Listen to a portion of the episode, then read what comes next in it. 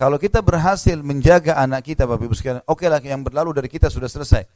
Kita jaga mereka bukan seperti kita, mereka harus punya prestasi-prestasi. Itu akan menjadi amal jari buat kita, pembersih dosa kita yang lalu karena itu perbuatan baik.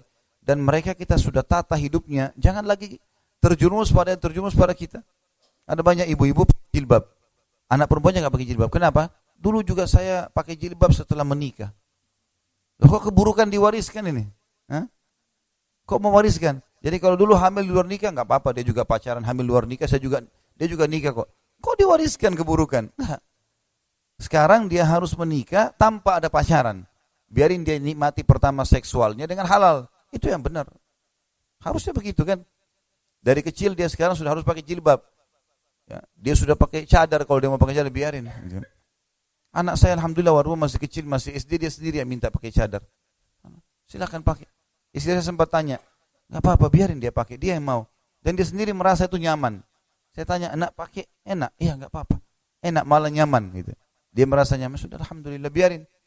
Jangan sampai kita baru kenal pakaian syar'i ini sekarang, mau anak-anak kita nanti umur seperti kita juga.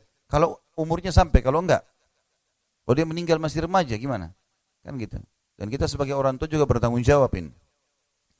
Dan pendidikan-pendidikan yang membawa pada kebaikan, kayak pesantren misalnya, malah itu di nomor dua kan, di nomor puluhkan. Pesantren hanya tempat pelarian orang yang gagal masuk di negeri, tempat uh, orang yang nakal, ini nakal sekali pesantren aja nih. Nah. Padahal di pesantren diajar sholat lima waktu.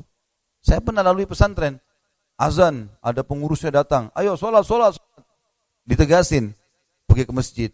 Di sekolah, di kelas, hafal ayat Al-Quran, hafal hadis, kisah sahabat, kan bagus. Disiplin, mandiri. Ada pesantren yang suruh cuci baju sendiri, gitu kan? Kami harus cuci baju sendiri. Belajar dari kecil, gitu kan? Maka akhirnya alhamdulillah bagus terbentuk pribadi yang bagus. Gitu. Sayang, cuman dianggap itu adalah susah lah, nyusahin anak-anak lah, padahal sebenarnya tidak. Pendidikan kan kita tidak lepas, status kita sebagai orang tua tidak akan berkurang. Kalau ada alhamdulillah sekolah-sekolah Islam yang kita yakin bagus kita bisa didik anak kita, alhamdulillah.